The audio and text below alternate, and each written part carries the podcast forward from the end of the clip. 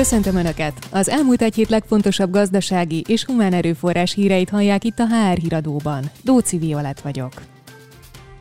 100 milliárdos keretösszeg. Ismét lehet pályázni a Gino Plus technológiaváltó támogatási programban.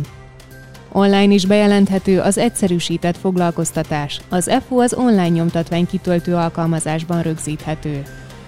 Hamarosan elindul az évcég vezetője verseny. Még két hétig várja a jelentkezéseket a Behavior magazin szerkesztősége.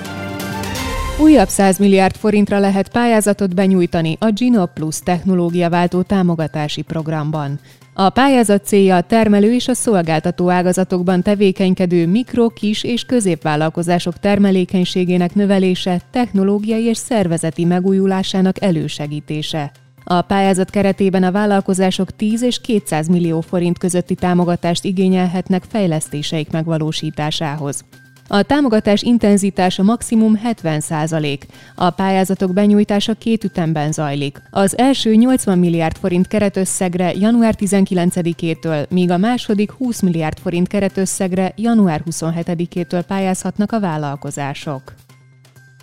Már online is bejelenthető az egyszerűsített foglalkoztatás, számolt be róla a Nemzeti Adó és Vámhivatal.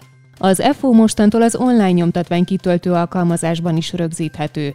Az alkalmazáshoz nincs szükség külső program telepítésére, csupán internet elérésére és ügyfélkapura. A NAV felhívta a figyelmet arra, hogy továbbra is elérhető az általános nyomtatvány kitöltő alkalmazásban az űrlap, amelyen eddig is bejelenthető volt az egyszerűsített foglalkoztatás.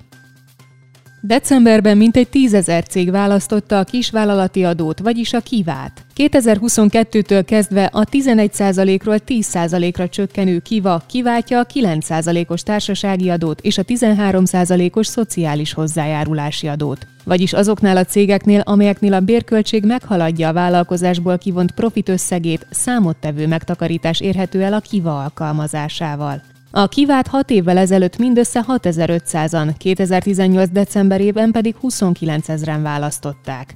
2021. novemberének végére ez a létszám elérte a 68 ezret. Új beruházást valósít meg a Dunacell Dunaújvárosi Cellulózgyár Kft. A projekt értéke 7 milliárd forint, amelyhez az állam 1,7 milliárd forint támogatást nyújt. A 2023. május 31-ig megvalósuló fejlesztés keretében újabb kapacitásokat hoznak létre porított élelmiros gyártására. Szőlőfeldolgozó üzemet épít a Balaton Agrár ZRT Orda Csehiben. A cég a márciusban kezdődő mintegy 1 milliárd forintos beruházáshoz 464 millió forint támogatást nyert az élelmiszeripari üzemek komplex fejlesztésére meghirdetett pályázaton.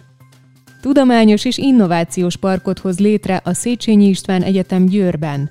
A beruházást a gazdaságfejlesztési és innovációs operatív programban nyert 6,7 milliárd forintos támogatásból valósítják meg.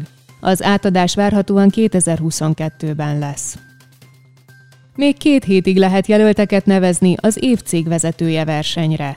A Behavior magazin olyan cégvezetők jelölését várja, akik kimagasló képességekkel és kiemelkedően sikeres karrierúttal rendelkeznek, és hatással vannak akár a helyi, akár a globális környezetre is. Nevezni a versenyre az évcégvezetője.hu weboldalon található űrlap kitöltésével lehet február másodikáig. Ez volt már a HR híradó. Hírszerkeztünk Balsánszki Zsanett és a magam nevében is köszönöm, hogy minket hallgattak. Jövő héten ismét friss hírekkel jelentkezünk, tartsanak velünk!